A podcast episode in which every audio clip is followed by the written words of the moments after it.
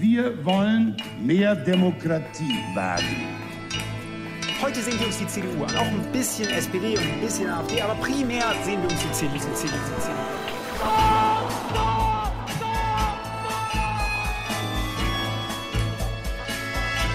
Niemand hat die Absicht, eine Mauer zu errichten. Ich weiß, ich habe heute Morgen in den Spiegel geguckt und dachte, wer ist denn die Hotte Bitch? Werden schon in wenigen Jahren blühende Landschaften, blühende Landschaften geworden sein. Früher waren wir Lametta. Wir haben so vieles geschafft, wir schaffen das.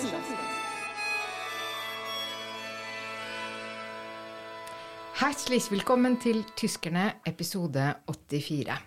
I dag er vi faktisk i et studio igjen, og vi, det er selvfølgelig Ingrid Brekke og Kai Schwind, hallo. Denne episoden det er en politikkspesial. Og vi skal snakke om ett eneste tema, nemlig kampen om å bli Tysklands neste kansler. Det vil si, foreløpig så er det jo mest kampen om å bli kandidat til å bli Tysklands eh, neste kansler som pågår. Og da er det to partier som har orden i sysakene. Sosialdemokratene de har for lenge siden utnevnt visekansler og finansminister Olaf Scholz til sin kandidat. Og De Grønne de har for eh, kanskje ikke lenge siden, men en stund siden offentliggjort at sin kandidat blir kjent mandag 19. april, altså om fire dager. Når vi tar opp det her, så er det torsdag ettermiddag. Er du spent på hvem det blir, eh, Kai? Ja, veldig, veldig spent. Kanskje jeg vet litt mer, hvem vet? Eh, Det kommer vi tilbake til. Ja, vi skal snakke mer om De grønne mot slutten, men nå skal vi altså begynne med partiet som ikke har orden i verken sysakene eller noe som helst eh, annet, nemlig Kristeligdemokratene, Angela Merkels parti. Der eh, føres det nå en kamp for åpen scene mellom Armin Laschet og Markus Søder. Og du, jeg ser det på deg, du er helt oppslukt, ikke sant? Ja. Du vrir deg i stolen og Ja. Nei, jeg sitter hjemme hver dag med store bøtter symbolsk popkorn og bare koser meg. Nei, men det er litt sånn Jeg tenker på det som å se en sånn uh, Titanics undergang i, i sakte film, altså. Fordi CDO er jo det store, mektige styringspartiet i tysk etterkrigstid. Eh, de har jo i mange år gått nedover på meningsmålingene og i valg. Eh, det som teller mest, er jo selvfølgelig valgene. De har gjort det dårligere i valg for valg en god stund. Eh, nå ligger de ganske dårlig an. De er inne i sin tredje åpne personstrid på ganske kort tid. Eh, så dette er stort eh, politisk drama og veldig underholdende. Spesielt for et parti som jeg hørte en kommentator si, som er basert på institusjonell ro. Oh, ja, ja, nettopp. Ja. Eh, det er bare- litt artig i seg selv at det er litt sånn image. Det er jo sånn absolutt motsatt av det som vi opplever akkurat nå. Ja, fallhøyden er stor. Ja. Men før vi liksom graver oss ned i dette, da, så skal, vi bare, skal jeg bare si litt eh, bakgrunn som er grei å ha med seg. For dette er et veldig uvanlig valg i tysk historie. Eh, det ene er at det faktisk er tre partier eh, som stiller med kandidater i stedet for to partier, som det har vært før. De Grønne har jo blitt eh, nest største parti. Eh, dessuten så har jo ingen kansler gått av frivillig før, sånn som Merkel eh, kommer til å gjøre. Eh, enten går man jo av fordi man blir stemt ut, altså ikke vinner et valg, eller fordi det har vært en skandale eller noe som gjør at man blir pressa eh, ut. Og dette um, setter hennes parti i en veldig sånn, spesiell situasjon, fordi at de må da hoste opp en, en kandidat som både blir målt opp mot den som nå eh, regjerer, altså Merkel, men som også skal symbolisere en slags ny giv. Og dette er jo selvfølgelig kjempevanskelig. Ja. Um, og så em, har jo partiet Det er jo to år siden Merkel gikk av som partileder, og de har jo allerede eh, hatt en leder som ikke klarte seg, Anne-Greth Kramp-Karrenbauer. Armin Laschet ble valgt til leder i januar. Og sjøl om alle da har visst at det hører med at han også vil bli kandidat til valget, så ble det da først offisielt sagt nå på søndag. Eh, og det som da kom, det var jo at han var jo ikke alene. Det var jo ikke bare han, men det var da også Markus Søder. Og Armin Laschet han snakka vi ganske mye om i episode 74, eh, da han nettopp var blitt valgt til partileder. Men hvem er nå Markus Søder, da, Kai? Ja, si det. Hvem er det? Det er mange som lurer på, fordi han har mange personligheter. Så det kommer vi kanskje tilbake til. Men hvis vi ser sånn på fakta, så er Markus Søder leder for CSU, altså søsterpartiet i Bayern. Eh, CDU og CSU er som sagt to ulike deler av ett parti, eh, som gjerne omtales som De Union, altså Unionen. Det er alltid liksom vanskelig å forstå utenfra. Eh, hvorfor har de et sånn eget partivariant i Bayern? Dette har historiske, tradisjonsbaserte grunner, skal vi ikke gå inn på, men det må vi altså alle forholde oss til, på godt og vondt. Eh, Markus Søder er også statsminister i Bayern. Han er født i 1960 67, og i, i tysk sammenheng da med en ganske ung politiker, det må vi jo dessverre si. Uh, og til forskjell fra de fleste i Bayern er han protestant. Også litt uvanlig, fordi Bayern liker jo å promotere det imaget at de er konservative og katolsk. Så det være protestant, da er man allerede kanskje litt skeptisk. Eh, han er fra Nürnberg, altså fra Nord-Bayern, fra en region som man kaller for Franken. Han er gift og har et barn fra et tidligere forhold, og tre barn fra sitt nåværende ekteskap, og det syns jo også mange er helt ellevill og crazy, dette her. Han er utdannet jurist og har doktorgrad i nå må du høre, kommunallover i Bayern på begynnelsen av 1800-tallet. Mm. Her har du et party party smalltalk-tema.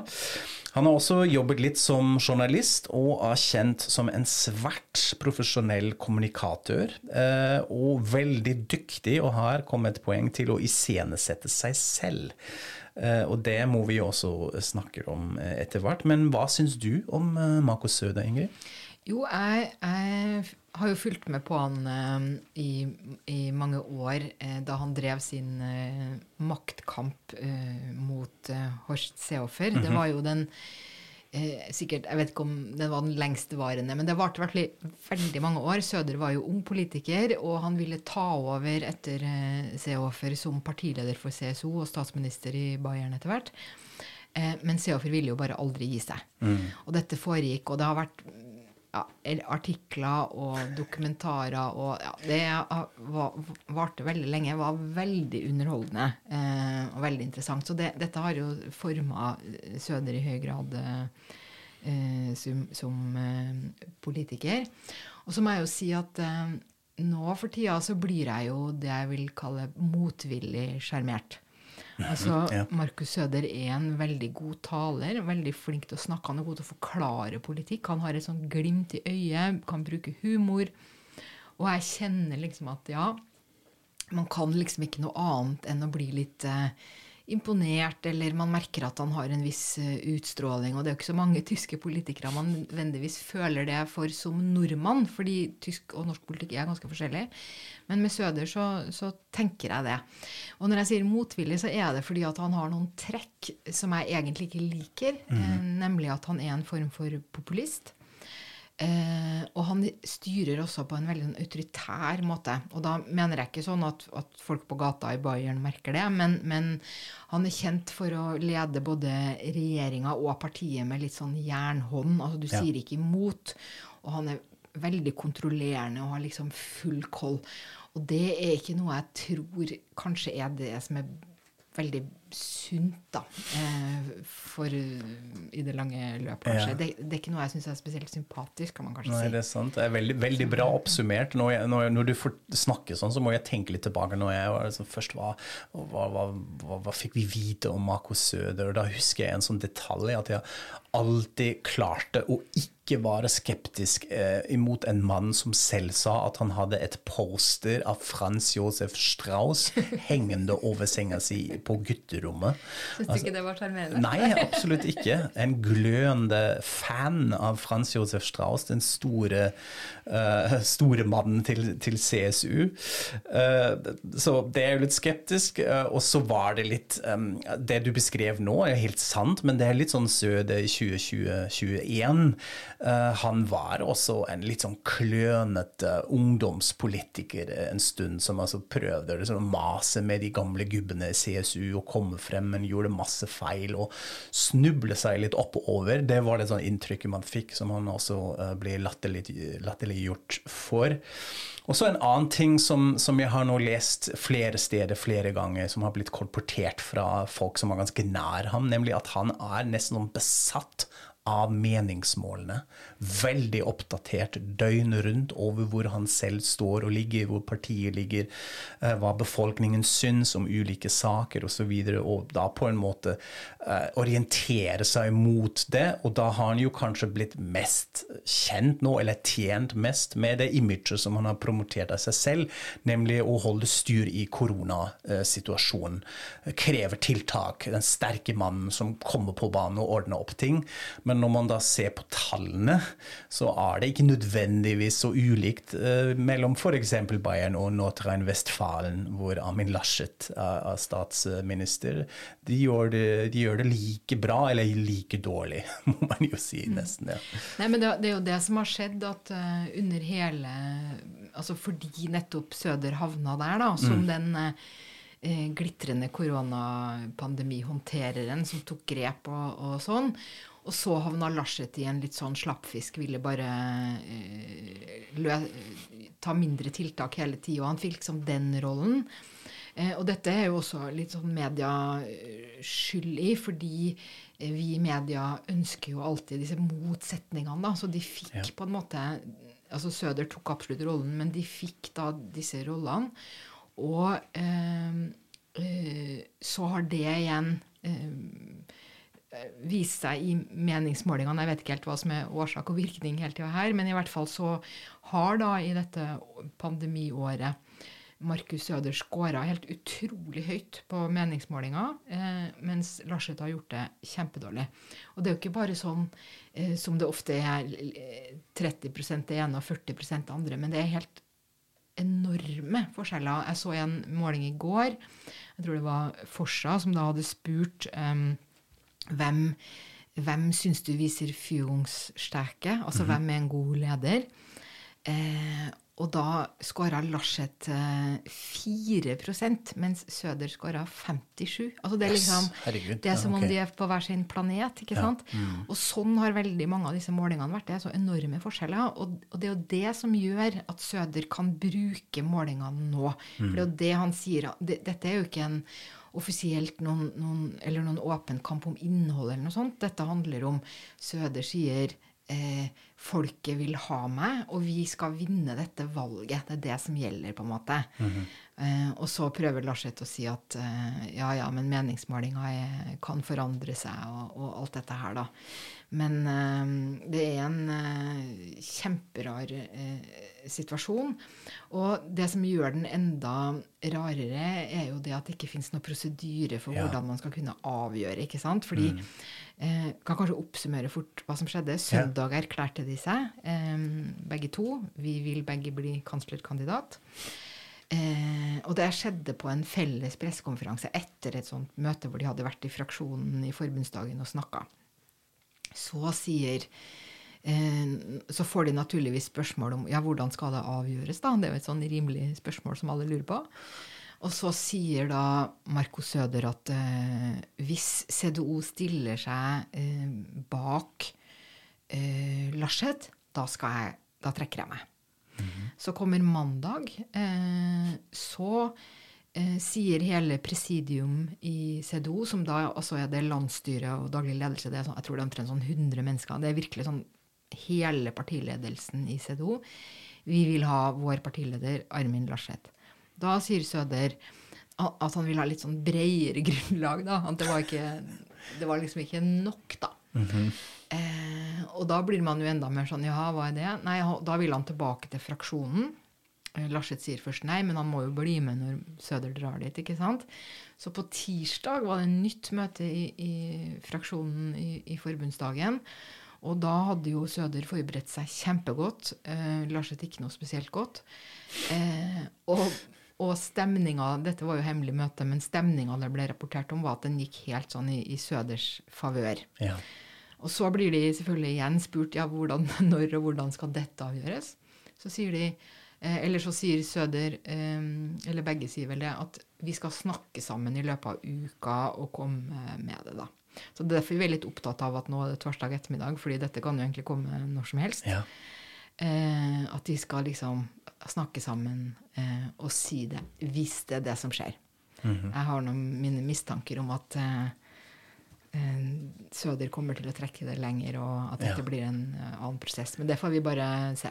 Og det er jo det som er, som er litt spennende. Jeg har jo nå også fulgt med hele uka og sett på alle de politiske talkshows. Altså på Hat Abafé på mandag, Markus Lands på tirsdag, og i går så jeg på Meisberg og sånn.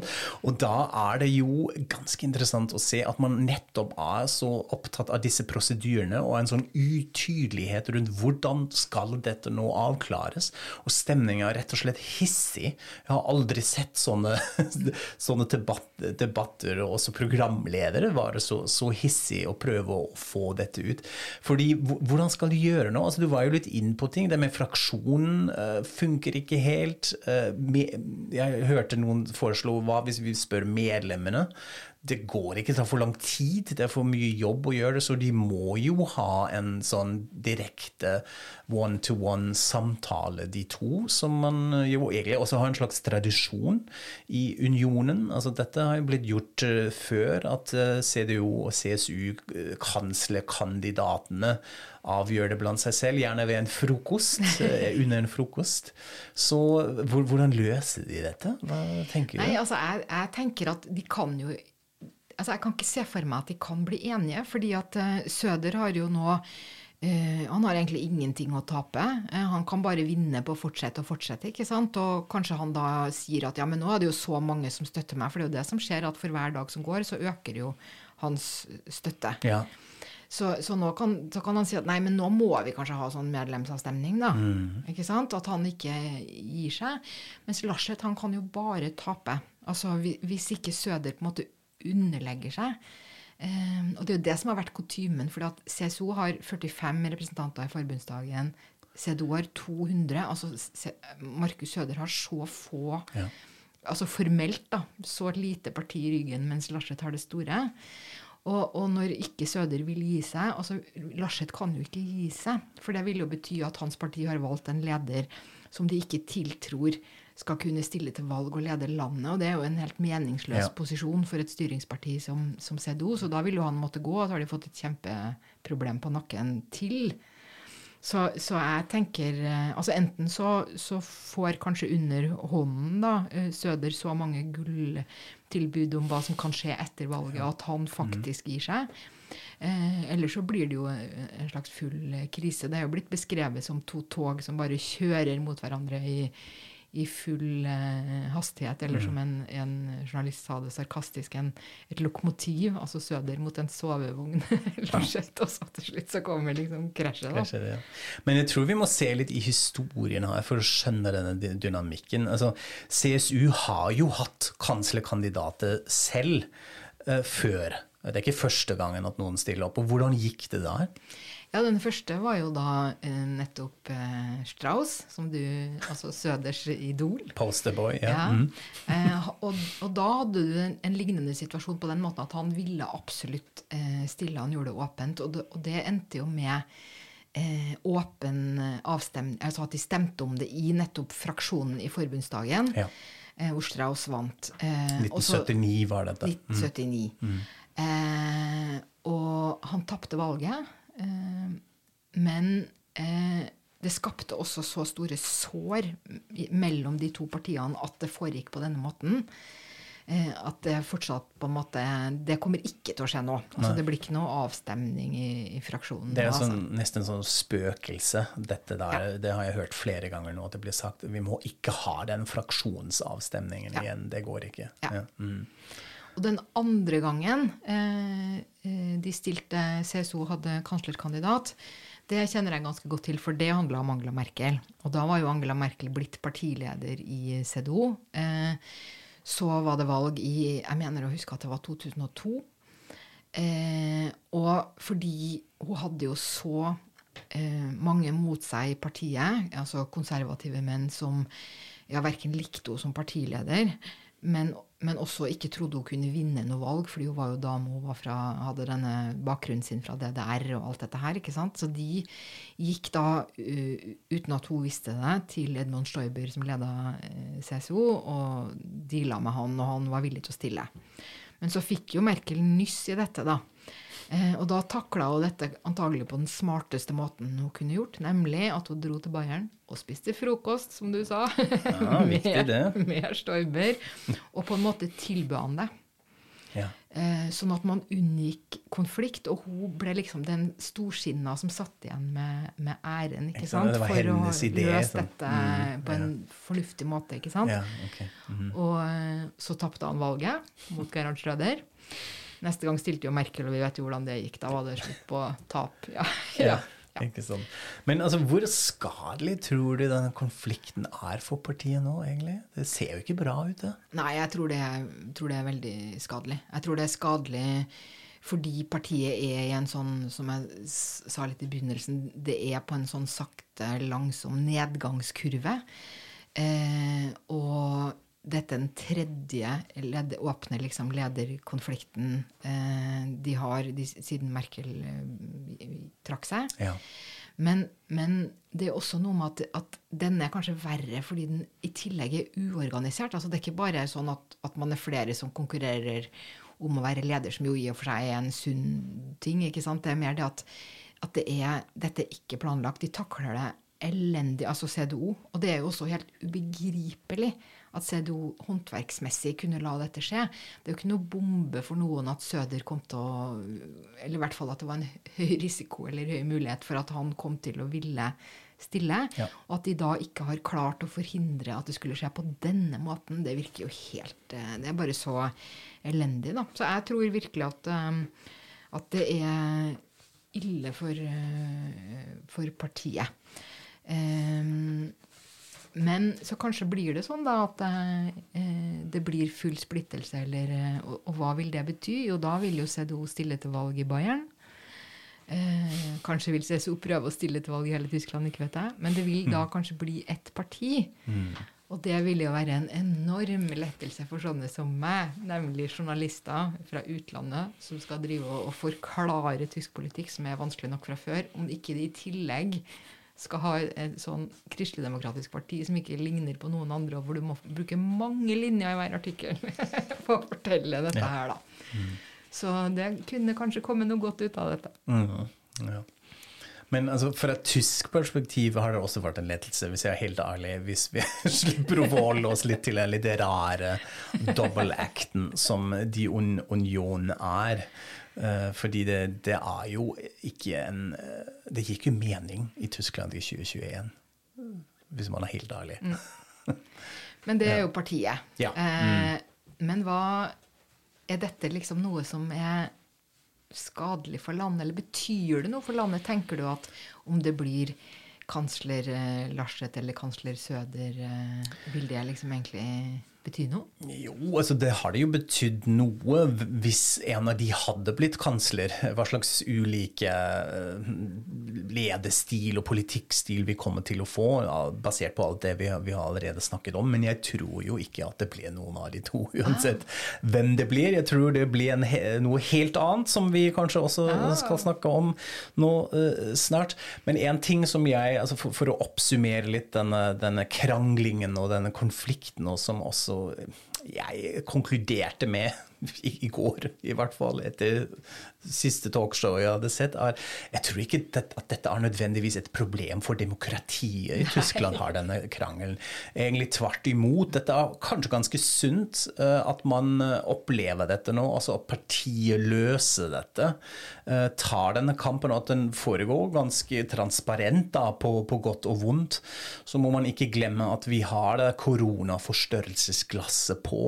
Det er den stemningen som preger også sånne debatten. Og man, man blir også uh, tatt ned på bakken ganske fort med, med, å fokusere på de egentlige problemene. Så det blir en slags realitetsorientering for de kranglefantene her òg, at de må forholde seg til denne virkeligheten.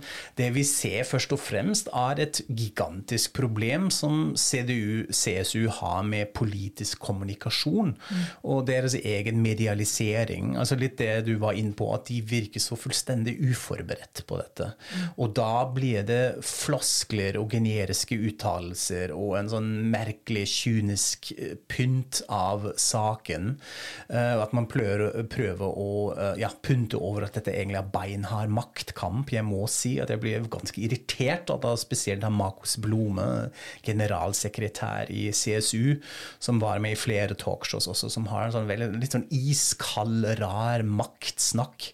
Uh, og prøve å selge dette eh, som, som, noe annet, at dette er så flott. Vi har jo to likeverdige, fantastiske kandidater nå, avgjørelser og sånn, og alle skjønner man sitter igjen med dette er løgn, rett og slett. Det er ikke det det handler om. Og man blir ganske lei og litt forbanna av å se på sirkuset her, som kanskje også forklarer hvorfor mediene er så hissige. Samtidig er det igjen også en slags eh, realitetsorientering for mediene selv, at denne svart-hvitt-bildet man har tegnet av, både Søder og Laschet, er ikke sant heller. Altså, Laschet er jo er jo kanskje litt tjent med å være denne underdoggen og Det har han vist før i sitt eget delstat når han stilte mot Hanne Hannelore Kraft, SPD-politiker som var topp i meningsmålene, og han var helt til bunns, men så klarte han å vinne òg. Så kanskje, hvem vet, dette er noe som han trenger nå, at det blir litt skjerpings og en, en slags sånn skape nye ambisjoner, og at han faktisk klarer å vise frem hvem, hvem han egentlig er. Så vi får se ja, nei, fordi jeg, jeg, tenker også det at dette er, det, det er veldig vanskelig for partiet. Men, men uh, hvis dette bidrar til at de ikke blir uh, gjenvalgt uh, til, til, høsten, så kan det hende at det er veldig sunt for Tyskland med et maktskifte. Ja. Mm. Og kanskje sunt for partiet å være i opposisjon, men mest av alt kanskje sunt at det ikke alltid er det samme partiet som skal styre. Det er jo ikke bra for noe Absolutt. system. Og det er jo også noe med å huske litt tilbake at også før forrige valg, i 2017, så var det jo mye sånn alle var lei av Merkel og hennes stil, og det gikk dårlig på meningsmålingene. Ja. Og, så, så, det var mange av de samme temaene eh, plagde jo både folk og partiet da òg. Det har bare blitt enda verre. Ja, Man hadde allerede denne, det vi ja. kaller for vekselstimmung. Ja. altså Denne stemningen ja. som var klar for maktskifte. Det hadde man allerede i 2017. Helt sant. Ja. Mm. ja, så da kan jo vi òg veksle litt og, og gå over til, til eh, De grønne. Ja. Eh, og da kan man snakke med mye gladere stemme med en gang, og sånn, for de er jo harmoniske og fikser dette her. Og CDO holder sikkert på å dø av misunnelse. Eh, for de har jo også to stykker som eh, kan bli kanslerkandidat, nemlig eh, de to partilederne Robert Habeck og Anna-Lena Baerbock. Mm. Eh, vi har jo snakka om Habeck før, i vår episode 76. Men hvem er Anna-Lena Baerbock, da, Kai? Ja, hun må vi nå virkelig snakke om, fordi, og det var jo en sånn liten skop nesten i går hos uh, Meiersberger, talkshowet, hvor en av de kommentatorene, vår Weine, som er politisk journalist, sa uh, at han faktisk uh, har nå hatt flere kilder fra De grønne som har lekket at det blir Anna-Lena Baerbock ah. som skal bli kandidat. Og han har ut fra så ulike kilder nå at han tør å gå ut i offentligheten. Okay. Så hvem vet, men dette var ganske skopete. Så kanskje det betyr at vi har faktisk eh, Anneline, en kvinnelig ung kvinne som eh, kanslerkandidat fra De Grønne. Vi kan jo se litt på fakta òg, fordi vi kalte jo, vi omtalte Markus Søde som ung politiker, men når vi ser på fødselsdato til Anna-Lena Charlotte Alma Bebok, som en egentlighet, så er hun jo en baby, rett og slett, født i 1980. i Hannover. Yngre enn deg, Kai. Tenk deg, det yngre enn meg. Uh, og uh, ja, jeg har studert eh, statsvitenskap og juss, uh, og jobbet som journalist, som Søder også, så vidt. og er da altså siden 2018 eh, i ledelsesduo av De Grønne sammen med Robert Habeck. Hun har vært medlem av forbundsdagen siden 2013. Bor i Potsdam i Brandenburg, eh, er gift og har to døtre, så eh, kanskje dette er den nye kanslerinne i Tyskland. Vet du hva, jeg våger meg frem med en sånn spådom nå her. Ok. Eh, jeg tror det, det ble slik. Laschet ble kanslerkandidat for CDU og CSU. Til tross for alt dette maset her. De forener seg bak han. Så taper han mot Baerbock, og hun ble kansler. Hva tenker du om det? Høres det lurt ut? Ja, jeg er jo ikke så ikke. tøff som deg. Jeg tør liksom ikke å si høyt i podkasten vår hvem, eh, hva jeg tror. Eller egentlig mer at jeg ikke tror så veldig mye akkurat nå. Men Ja. jeg, jeg håper du har rett, og så kan jeg si at jeg var der da du sa det. Eller hvis du tar feil, så kan jeg sole meg i at ja, jeg sa ikke det. Altså. Ja, riktig, og det- er sant. Jeg må utmykes også i det tilfellet av deg og lytterne, så kom med forslag igjen hvordan jeg skal settes på plass. Ja, men altså, hm, hva, hvordan ser det ut hos, hos, hos De grønne da? Altså, nå, nå, vi, ja, blir det så smooth, den prosessen som vi fikk forespeilet? Ja, altså De to har jo blitt spurt om dette i utallige intervjuer de siste månedene. Hvem av dem blir det? Hvordan skal de avgjøre det? Eh, kommer det til å gå greit? Og jeg tror dem på at dette kommer til å gå helt greit. Eh, de er jo så samkjørte at de til og med deler kontor. Det har visst ikke noen gang skjedd eh, i den sant duoen i, som har leda De grønne. De blir jo alltid leda av to. Mm. så jeg- så også at Berbock sa i et Spiegel-intervju nylig at ja, det er klart det at hvis vi finner ut at det skal bli Habeck, så er jeg helt med på det. Men jeg vil nok kjenne et lite stikk i hjertet. Og etter du sa det der, så tenkte jeg at eh, ja, ja, kanskje hun turte å si det, da, fordi hun vet at det faktisk blir hun selv. Ja. Men, eh, men hvem vet, altså. Så, eh, så det, det de har sagt, er at de har venta med avgjørelsen fordi at de ville se hvordan, hva som ser ut som er den politiske dagsorden frem mot valget, og så ville velge den av de to som har den profilen som vil kunne gjøre det best. Sånn har de snakka, da. Ja. Eh, og da er det jo nettopp det at eh, altså Habek er jo eh, ti år eldre. Eh, han har litt av regjeringserfaring. Han har, han har sittet i Slesvig-Holstein i, i regjering der. Eh, ellers er han jo filosof og forfatter og, og, og sånn. Eh, og, og da kan man jo forestille seg at f.eks. hvis eh, mange fra CDO eh, var på leting etter et nytt parti, så ville det kanskje være lettere for dem å stemme på Ja. Habek, fordi at han er eh, mann, kanskje, fordi han har den lille regjeringserfaringa. Eh, fordi han, han i mange konservatives øyne kanskje stråler ut litt mer sånn eh, autoritet. Mm. Ja. Men jeg vet ikke. Jeg, jeg tenker også at eh, Tyskland kunne være litt moden for uh, Baerbock. Ja, det er det store spørsmålet. Altså, som sagt, Vi har jo snakket om eh, Robert Habeck før. Jeg har jo også kanskje blitt litt ukritisk sjarmert av han. Altså en, en filosof og forfatter som skriver bøker om språk og retorikk og den sosiokulturelle konteksten politikken beveger seg i. Skikkelig valgkampspråk.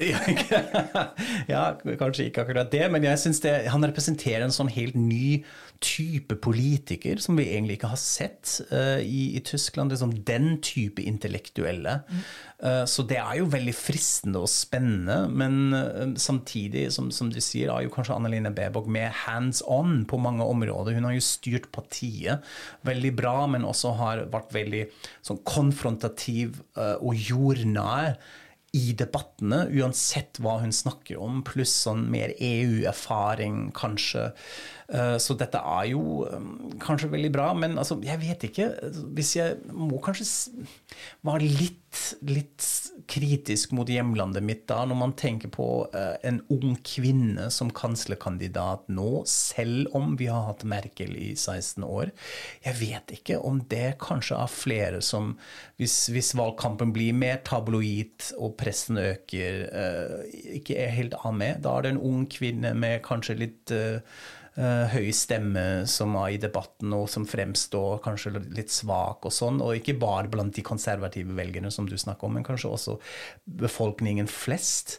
Så kanskje dette er en strategisk eh, vurdering som De Grønne tar. Kanskje det er faktisk Habek som er mer spiselig.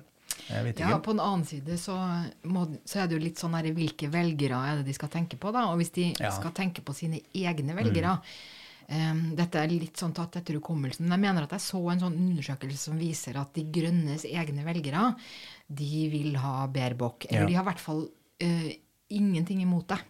Mm -hmm. uh, og da blir det også litt sånn herre Ok, skal man da velge Habek? Og det er jeg ganske sikker på at da vil mange i De Grønne være imot det.